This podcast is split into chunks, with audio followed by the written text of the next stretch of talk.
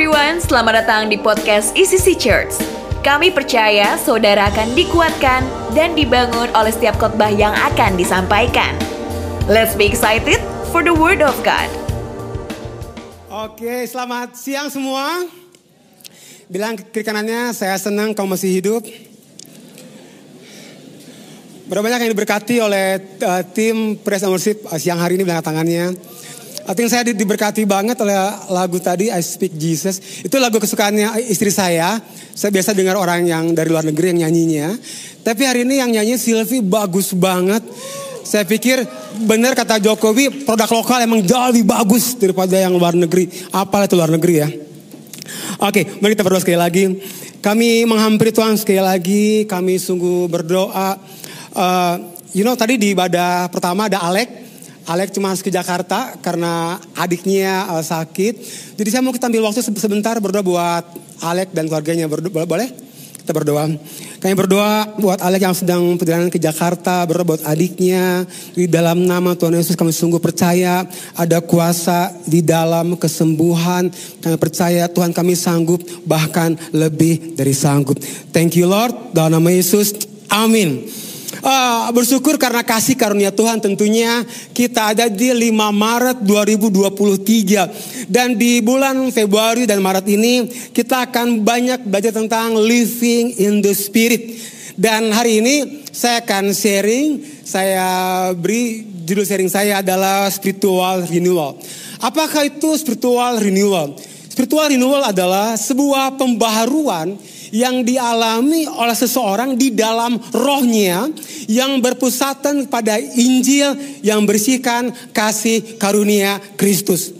Nah, di dalam hidup kita ada tiga musuh yang saya, yang saya temukan yang coba menghancurkan, yang coba uh, merusak uh, kehidupanmu secara pribadi, pernikahanmu, uh, apalagi uh, pekerjaanmu, bisnismu, bahkan mungkin juga pelayananmu. Tiga musuh ini, you know, uh, mencoba menarik saudara keluar dari tujuan yang Tuhan sudah taruhkan buat saudara. Three enemies in life. Yang pertama adalah the devil, setan. Suatu kali ada satu keluarga uh, menghubungi saya, dia minta untuk uh, anaknya didoakan pelepasan. Jadi dia kepungkur. Nah, saya nggak mau sendirian, saya bawa tim biar lebih berani jadinya. Uh, akhirnya anaknya datang dan saya bilang kamu boleh di tengah, ya kita berdoa melingkari dia. Waktu kita berdoa berbahasa roh, tiba-tiba anak perempuan ini teriak keras banget sampai orang yang di, di lantai empat bungkur kedengaran suara perempuan ini teriak kayak nenek-nenek suaranya. Dan yang lebih kaget lagi, waktu saya lihat mukanya berubah jadi kayak nenek-nenek. Yang lebih horor lagi, dia nunjuk saya. Pastor Victor. Wih, hebat ya. Setan bisa tahu nama saya, saya pikir. Jadi saya kaget banget karena saking kagetnya. Even satu kata pun gak bisa keluar dari mulut saya. Nah rekan saya dia aware. Dia langsung bilang dalam nama Yesus. Waktu dia bilang dalam nama Yesus saya punya kemampuan buat dalam nama Yesus. Akhirnya kita layan dia berjam-jam sekitar saya lupa tiga jam. Akhirnya roh nenek-nenek ini pamit pergi keluar dari tubuh dia. Eh, akhirnya saya telepon ke orang tuanya, Om Tante, eh, ini anaknya udah selesai, bisa tolong dijemput, saya bilang. Jangan lama-lama di sini, takutnya neneknya kembali lagi agak repot. Akhirnya Om Tantenya datang, terus saya bilang, Om, tadi itu waktu didoakan, eh, kok tiba-tiba berubah mukanya jadi kayak nenek-nenek, dan suaranya kayak nenek-nenek. Oh iya Pastor Victor, emang dia selalu bilang sama kita kalau dia sering ngomong di alam roh ama nenek-nenek. Saya bilang, eh tante tega banget. Lain kali kasih intro dong ke kita. Jadi kita persiapan eh, roh apa yang ada di dalam diri dia. Tapi setan cukup satu kata, Yesus dia keluar. Tapi yang kedua adalah the word, dunia ini. One day, saya sama Kanala pelayanan di, di, di Semarang, di Semarang. Karena hari itu Kanala masih ada pelayanan. Jadi saya harus pulang duluan, dulu naik travel biar lebih cepat. Namanya travel kan jemput dari satu rumah ke rumah lain. Waktu saya dapat travel, saya tuh duduknya di paling belakang si, si travel itu. Kayak minibus seperti itu. And then tiba rumah terakhir seingat saya. Yang dijemput itu seorang perempuan. Nggak tahu gimana ceritanya. Perempuan itu duduk di paling belakang dekat saya. Jadi perjalanan Semarang Bandung hanya saya berdua sama dia. Muncul ke duniawian. Mulai dilihat lucu juga. Ya oke okay juga saya pikir. Jadi saya agak mepet duduknya ke tempat dia. Terus tanya, ngobrol. Waktu tanya ngobrol tersadar. Saya kan hamba Tuhan. Ini dari setan ini. Ini duniawi. Jadi saya mundur. Saya mundur sambil tetap bahasa roh. Saya lupa tepatnya di mana. Tiba-tiba dia tertidur menjatuhkan kepalanya tepat di paha saya. You know, saya kucing bro, dikasih asin repot lah. Dan dia tepat menjatuhkannya di paha saya. Yang selanjutnya saya nggak bisa ceritakan. Uh, tapi tolong lihat saya dengan muka kasih dan penghakiman. Uh, gak ada yang tahu cerita di, di mobil itu. Tapi hati nurani saya nggak nggak nyaman. Jadi saya cerita ke Kanala dan sehingga saya, saya di, di disiplin berapa lama nggak nggak khotbah. Tapi musuh yang ketiga adalah the flesh. You know the biggest enemy. It's not devil, it's not the word. The biggest enemy is our flesh. It's your flesh. That is the biggest enemy. Nah, kita akan belajar supaya kita menang dari the biggest enemy kita. Mimpi Yakub di Betel itu judul perikopnya. Jadi yang 28 ayat yang ke-10 sampai yang ke-19. Maka Yakub berangkat dari Berseba dan pergi ke Haran. Ia sampai di suatu tempat dan bermalam di situ. Karena matahari telah terbenam, ia mengambil sebuah batu yang terletak di tempat itu dan dipakainya sebagai alas kepala. Lalu membaringkan dirinya di tempat itu. Yakub datang ke sebuah tempat yang gak ada apa-apa di sana. Gak ada hotel bintang 5, bintang 2, gak ada. Dan bukan tempat yang menyenangkan. Hanya batu yang dapat dipakai sebagai alas kepala untuk tidur. Kita lanjutkan ayat yang ke-12. Maka bermimpilah ia di bumi ada didirikan sebuah tangga yang ujungnya sampai di langit. Dan tampaklah malaikat-malaikat Allah turun naik tangga. Berdirilah Tuhan di sampingnya. Hal pertama yang saya mau bagikan adalah apa yang dialami oleh Yakub, renewal in God's presence. Spiritual renewal dimulai dengan renewal in God's presence. Dalam konteks ini, ketika Yakub sedang melarikan diri dari uh, amarah kakaknya Esau, uh, karena Yakub mencuri hak kesulungan Esau dengan menipu bapaknya Ishak. Hari itu Yakub tidur di atas sebuah uh, batu dan bermimpi melihat tangga yang menghubungkan langit dan bumi dengan para malaikat naik turun di tangga itu dan di ujung tangga di, di langit dia melihat Tuhan yang menjanjikan bahwa kelak Yakub akan memiliki tanah Kanaan. Injil selalu berbicara tentang kasih karunia Tuhan yang berinisiatif untuk mencari kita. Injil beda dengan agama. Agama kita yang mencari Tuhan terlebih dahulu. Tapi uh, uh, Injil berbeda. Injil bicara tentang kasih karunia Tuhan yang berinisiatif mencari kita terlebih dahulu. Dan Tuhan yang berinisiatif untuk mencari Yakub, untuk menemukan Yakub dan di dalam hadirat Tuhan. Yakub diubahkan. Yakub yang penuh dengan ketakutan, dia harus berjaga-jaga, dia harus waspada tentunya. Tapi di dalam hadirat Tuhan, Yakub mengalami spiritual renewal. Di dalam kejadian 29 ayat yang pertama dikatakan Yakub melanjutkan perjalanannya tidak lagi dengan ketakutan. Yakub melanjutkan perjalanannya dengan iman akan janji Tuhan. Apa yang membuat kita tidak dapat diperbaharui in God's presence. Yang pertama adalah spirit familiarity. You know, uh, one day Raja Daud dia berniat mengambil dan mengembalikan tabut Allah uh, atau perjanjian ke kota Daud di Yerusalem. Nah, tabut ini bukan benda sembarangan. tabut ini manifestasi kehadiran Tuhan buat bangsa Israel. Tempat di mana dia berbicara dan memberikan perintah pada umatnya. 1 Samuel 7 ayat yang pertama sampai yang kedua. Lalu orang-orang Kiryat Yarim datang, mereka mengangkut tabut Tuhan itu dan membawanya ke dalam rumah Abi Nadab. Katakan dengan saya, rumah Abi Nadab yang di atas bukit dan Eleazar anaknya mereka kuduskan untuk menjaga tabut Tuhan itu. Sejak saat tabut itu tinggal di Kiryat Yarim berlalu waktu yang cukup lama yakni 20 tahun. Katakan dengan saya 20 tahun. Dan seluruh kaum Israel mengeluh kepada Tuhan. Mereka hari itu nggak sadar dan kesan yang mereka buat karena mereka menaruhkan tabut Allah, tabut perjanjian ke dalam kereta yang di, di, di, di, ditarik oleh uh, lembu. One day, waktu mereka dalam perjalanan, lembu-lembu ini tergelincir. Sehingga tabut perjanjian akan jatuh. Dan Usa hari itu berniat baik. Dia mau mengambil tabut perjanjian, but kita bilang Usa mati karena itu. You know, setelah kesalahan yang dibuat, uh, Yaku, uh, Daud kembali mengambil tabut perjanjian dan memindahkannya dan membawanya sesuai dengan perintah Tuhan. But sebelum tabut itu dibawa kembali ke kota Daud, ini yang terjadi 2 Samuel 6 ayat 10 sampai yang ke-12. Sebab itu Daud tidak mau memindahkan tabut itu.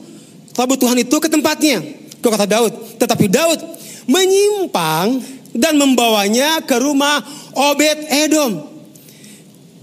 Orang Gad itu tiga bulan lamanya tabut Tuhan itu tinggal di rumah Obed Edom. Katakan dengan saya rumah Obed Edom. Katakan dengan saya tiga bulan. Dan Tuhan memberkati Obed Edom dan seisi rumahnya.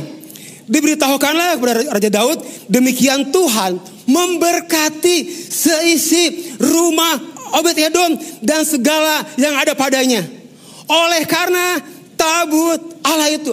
Orang melihat Tuhan memberkati Obed Edom dan seisi rumahnya. Bahkan mungkin juga mungkin hewannya, binatangnya. Orang lihat apa yang orang lihat. Dia ngomong ke Daud. Lalu Daud pergi mengangkat tabut Allah itu dan rumah Obed itu ke kota Daud dengan sukacita. Ada perbedaan kehidupan di dalam tiga bulan yang bisa dilihat oleh semua orang. Sampai orang ngomong ke Daud karena orang melihat bagaimana Tuhan memberkati rumah Obed Edom. Dan sisi rumahnya. Padahal tabut Allah itu sebelumnya ada di rumah Abinadab.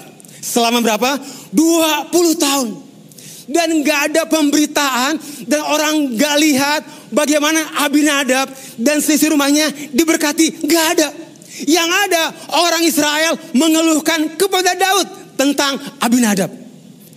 But sebaliknya, hanya tiga bulan, tabut Allah, perjanjian Tuhan, ada di rumah Obed Edom. Obed Edom diberkati Tuhan. Wah, kok hasilnya beda banget ya. Mungkin kalau sekarang ada yang udah 20 tahun mungkin ikut gerejaan. Tapi mungkin ngerasa kok hidupnya sama-sama aja ya. Gak ada perubahan, gak ada breakthrough, gak ada terobosan. Gak pernah rasa diberkati. Dan kalau kita lihat ada orang yang baru tiga bulan bertobat mengalami perubahan hidup. Perasaan dia berikut spiritual journey bulan lalu. Kok hidupnya diubahkan secara luar biasa ya. Perasaan kemarin dia baru ikut encounter. Perasaan minggu tanggal 5 Maret baru dibaptis. Kok hidupnya berubah banget ya. Kok dia diberkati banget ya. Why? Familiarity kills. Sudah terbiasa dengan semuanya. Dapat membunuh iman seseorang.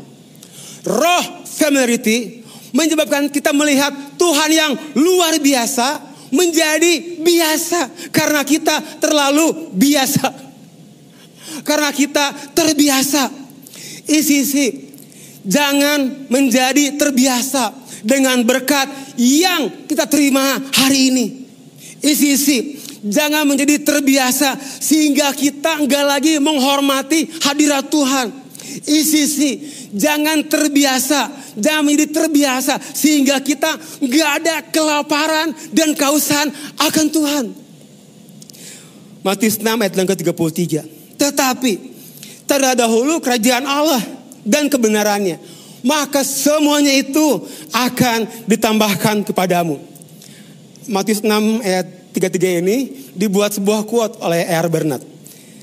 The spiritual renewal is always followed by economic revitalization. Perubahan spiritual selalu diikuti oleh revitalisasi ekonomi. Apa itu revitalisasi? peningkatan secara kualitas. Katanya pembaharuan secara spiritual akan selalu diikuti oleh peningkatan secara kualitas ekonomi. Kalau hari ini kau merasa Tuhan belum menambahkan apa pun dalam hidupmu. Mungkin kau berpikir, kok hidup saya gini-gini aja ya. Mungkin karena kita belum mencari kerajaan Allah dan kebenarannya. Mungkin karena kita belum meningkatkan kualitas hidup kita. Ada orang yang sibuk cari pekerjaan, nggak dapat dapat. Tapi ada orang yang sibuk nolakin banyak pekerjaan yang masuk. Sampai bingung, pilih yang mana ya? Tapi di sisi lain ada orang yang sibuk cari kerjaan, nggak dapat dapat. Maaf, bukan gosip. Tapi juga ada beberapa hamba Tuhan yang kadang suka kontak saya. Uh, Pastor, boleh gak minta waktunya untuk saya sharing di ICC? Bahkan ada satu, salah satu, satu tim praise and worship. Dari headnya, kepalanya, semuanya saya pakai jalur teman dekat. Karena dia teman dekat saya dulu waktu di Manado. Tolonglah bisalah kita ngisi di, di ICC lah, sesesi lah, dua sesi lah. Mungkin karena mereka tahu kita perlu bersyukur. ICC itu gereja yang paling generous. ICC itu gereja yang paling besar ngasih persembahan kasih. Boleh tepuk tangan nggak? You know, saya dari Sabang sampai Merauke, saya nggak pernah dapat persembahan kasih sebesar di ICC ngasih ke orang. Sekali-kali mungkin boleh juga dapat persembahan kasih. no lah. Tapi ada juga, ada juga Hamba Tuhan yang tenang-tenang aja, nggak rempong, tapi dicari banyak orang. Kalau saudara mau, semuanya ditambahkan kepadamu, maka kita perlu mengembangkan kualitas hidup dan kesadaran untuk mengembangkan kualitas hidup hanya didapat waktu engkau tinggal di dalam hadirat Tuhan. Kesembah, eh, kesempatan, kesadaran untuk mengembangkan kualitas hidup dibangun waktu kita mencari hadirat Tuhan. Tahun-tahun 2000-an, uh, kalau saya itu jarang ada yang undang uh, kayak sekarang. Zaman dulu itu uh, berharap ada yang undang, nggak ada undang-undang. Gereja nggak ada, nah sekali-kali adalah yang undang kalau mahasiswa bikin camp atau pelajar bikin retret, uh, ada ada yang undang saya. Sayangnya undangan pertama itu yang terakhir. Gak pernah lagi ada yang undang saya. Ada slide-nya enggak? Ah ini dia, ini dia. Ini, ini tahun-tahun tahun 2, 2000-an tuh. 23 tahun yang lalu. Kalau ada persekutuan yang undang saya, saya senang banget. Karena jarang banget yang undang hari itu. Tapi biasanya ini undangan yang pertama dan yang terakhir. Tapi saya ngerti juga sih. Kenapa tuh undangan pertama dan terakhir? Pasti orang nggak ngerti. Ini orang ngomong apa sih ya? Kayaknya nggak jelas apa yang dia omongin. Udah jangan undang lagi lah, buang-buang uang kayaknya. But you know, saya membangun hidup di dalam hadirat Tuhan. Saya mengembangkan kualitas hidup. Tuhan menambahkan semuanya. Hari ini 5 Maret 2023 tapi saya boleh cek ke, ke Lani PA saya, saya udah punya schedule di gereja lain tanggal 17 Maret 2024. Gini-gini coba bookingan loh. Buat tahun depan udah dicari. You know, ada ada satu pasang jemaat yang akan nikah tahun ini.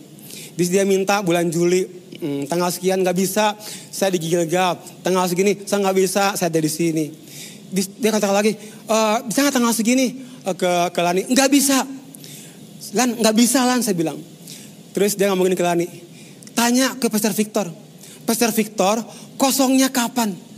Kita aja yang ngikutin schedule-nya Pastor Victor. Boleh tepuk tangan nggak? Oke. Okay. Karena biasa pendeta ngikutin schedule pengantin. Ini saatnya pengantin mengikuti schedule pendeta. Why, why, why? Kalau kualitas hidupmu bagus, orang pasti cari kamu.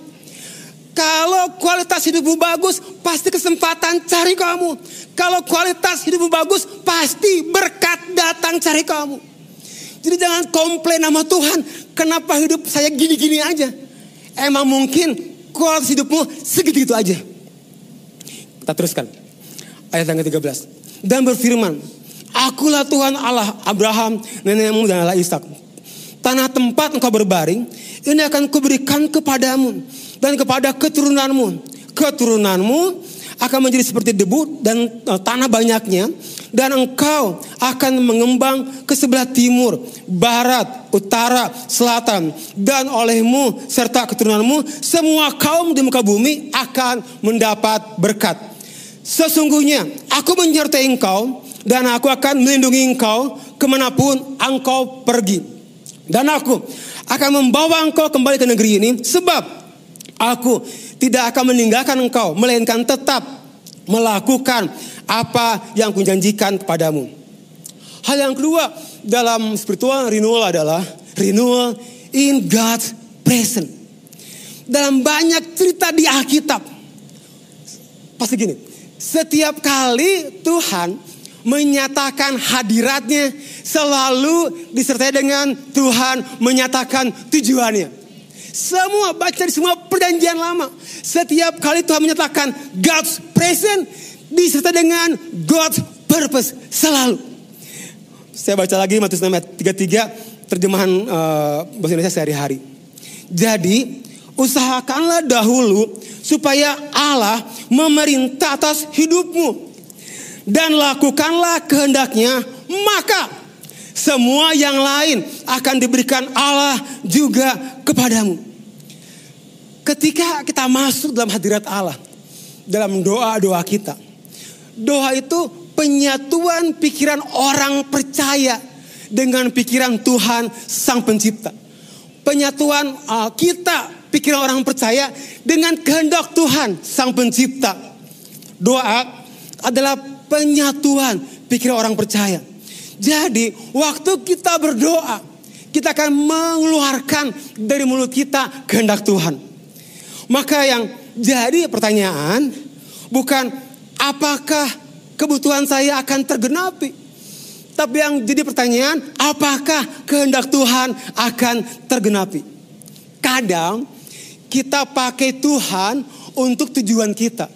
Seharusnya kita memberikan hidup kita dipakai untuk tujuannya Tuhan.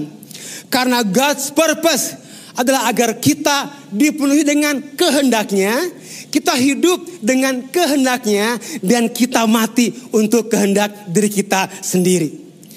But apa yang menyebabkan seseorang kita dapat keluar dari God's purpose, dari pusat kehendaknya Tuhan, dari uh, tracknya Tuhan. Ternyata waktu kita mencintai uang lebih dari mencintai Tuhan. You know, Tuhan gak pernah membandingkan dirinya dengan apa pun, dengan siapa pun, kecuali dengan uang. Karena uang memang sangat penting, tapi uang bukan segala-galanya. Uang dapat beli makanan. Tapi uang nggak dapat beli selera makan. Uang dapat beli obat. Tapi uang nggak dapat beli kesehatan. Uang dapat beli darah. Tapi uang nggak dapat beli kehidupan. Uang dapat beli tempat tidur yang bagus. Tapi nggak bisa beli tidur yang nyenyak. Uang bisa beli sebuah posisi yang bagus, but nggak bisa membeli rasa hormat. Uang bisa membeli house, rumah, bangunannya aja, but nggak bisa beli home, atmosfer di dalam bangunan sebuah rumah. Buat kita, uang bukan tujuan, tapi uang adalah alat kita. Alat untuk menggenapi rencana Tuhan.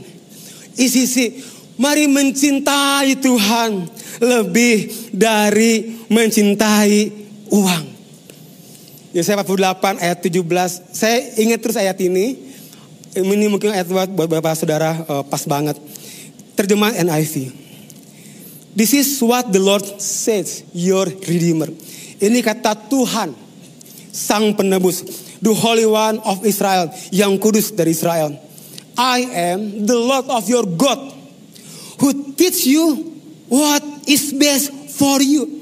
Yang mengajarkan yang terbaik buat saudara. Who directs you in the way you should go.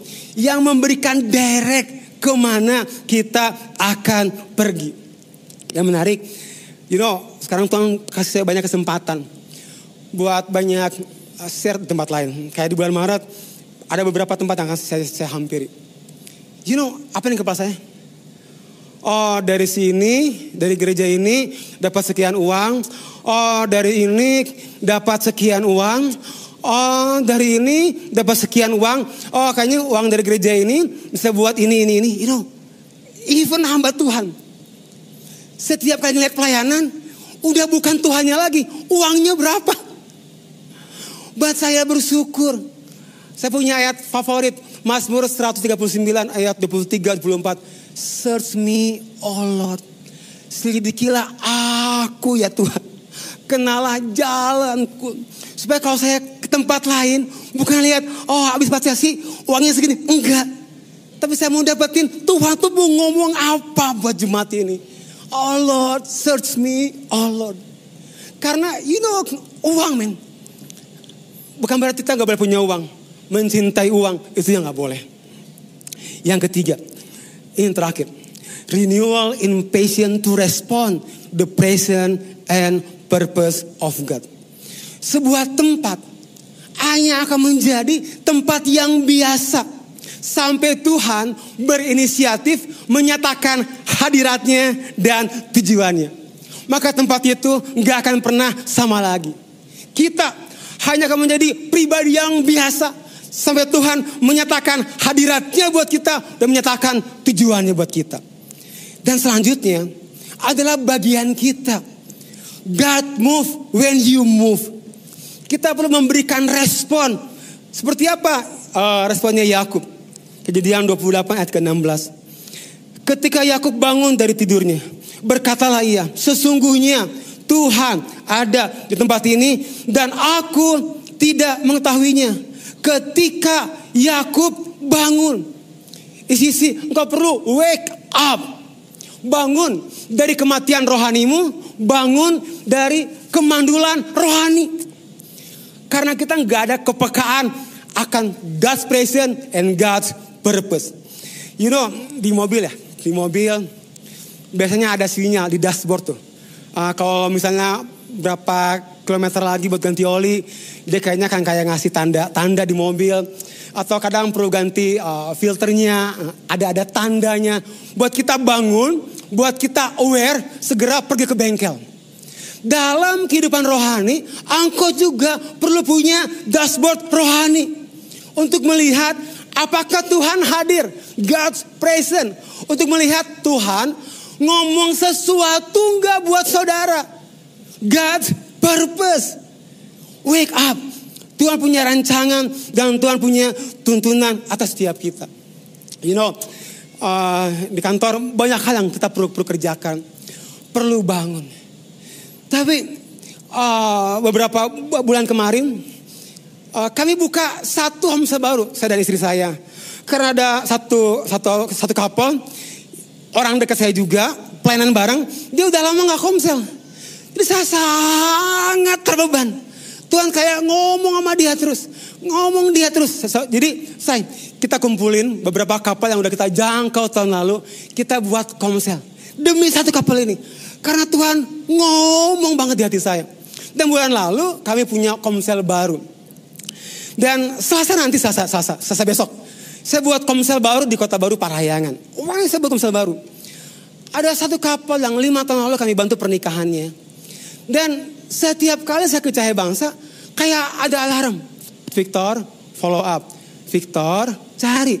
Victor, cari. Jadi saya cari, akhirnya dia oke. Okay, dan selasa kita buat homesale baru.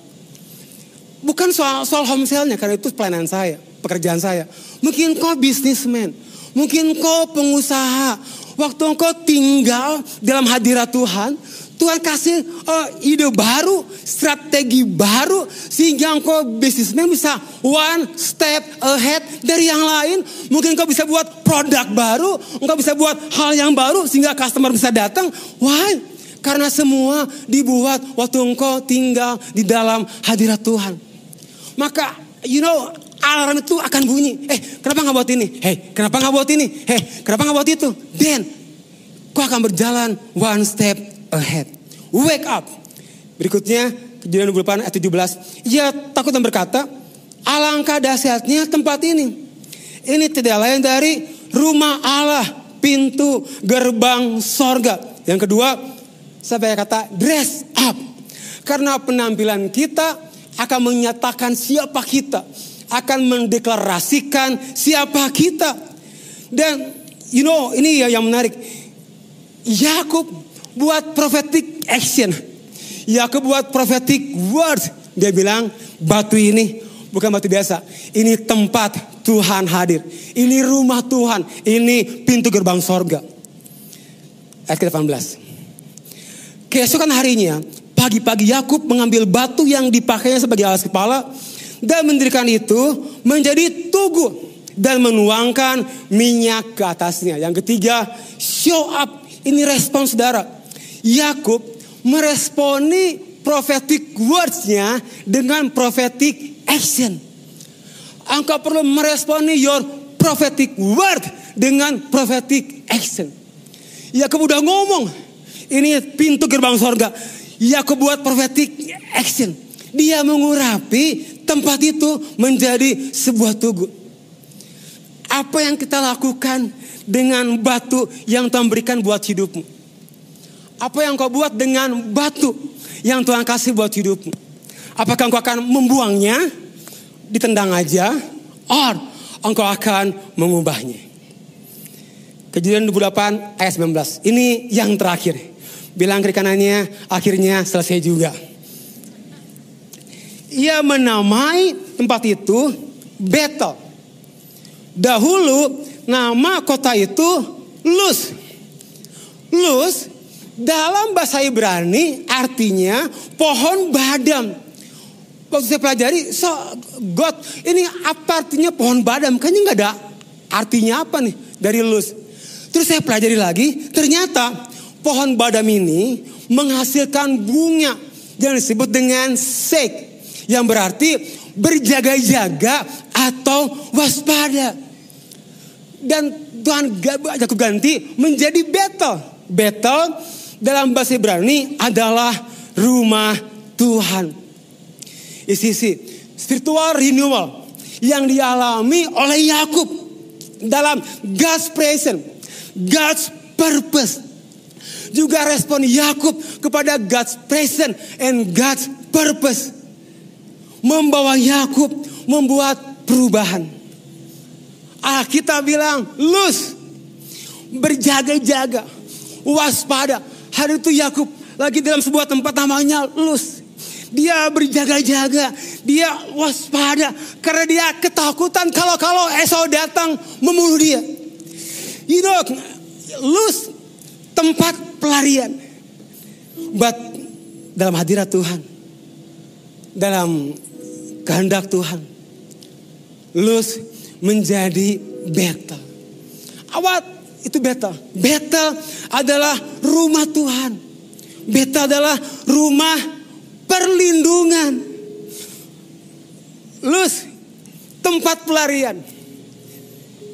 Dalam Tuhan, dia punya perlindungan. Come on, berikan pertama kita. Saya ngomong gini. Apa pun yang menimpa hidupmu tidak akan pernah menghalangi Tuhan untuk memakai hidupmu. Apa pun masalahmu di, di belakang sana, nggak akan pernah sanggup menghalangi Tuhan untuk memakaimu. Nggak akan pernah. Come on, we are the carrier of the presence of God. Kita membawa hadirat Tuhan untuk membuat setiap perubahan. Kita akan membawa perubahan. Saya berdoa. Setiap kali kau pulang, kau membawa perubahan. Sesuatu yang stuck menjadi breakthrough. Yang mati hidup kembali. Yang mandul mengalami pelipat gandaan. Yang sakit mengalami kesembuhan. Why? Karena setiap kali ada hadirat Tuhan, lose akan berubah menjadi. Isi isi. Shall we make a space? Shall we make a room? Shall we make a time? Dengan banyak hal yang yang saka yang kau kerjakan. Saya pernah cerita dari November kemarin, uh, kita di kakak uh, gantian bawa mama kami ke ke rumah sakit buat cuci darah. Nah, biasa saya bagian di luar hari Rabu. Awal-awal saya cengok banget ya.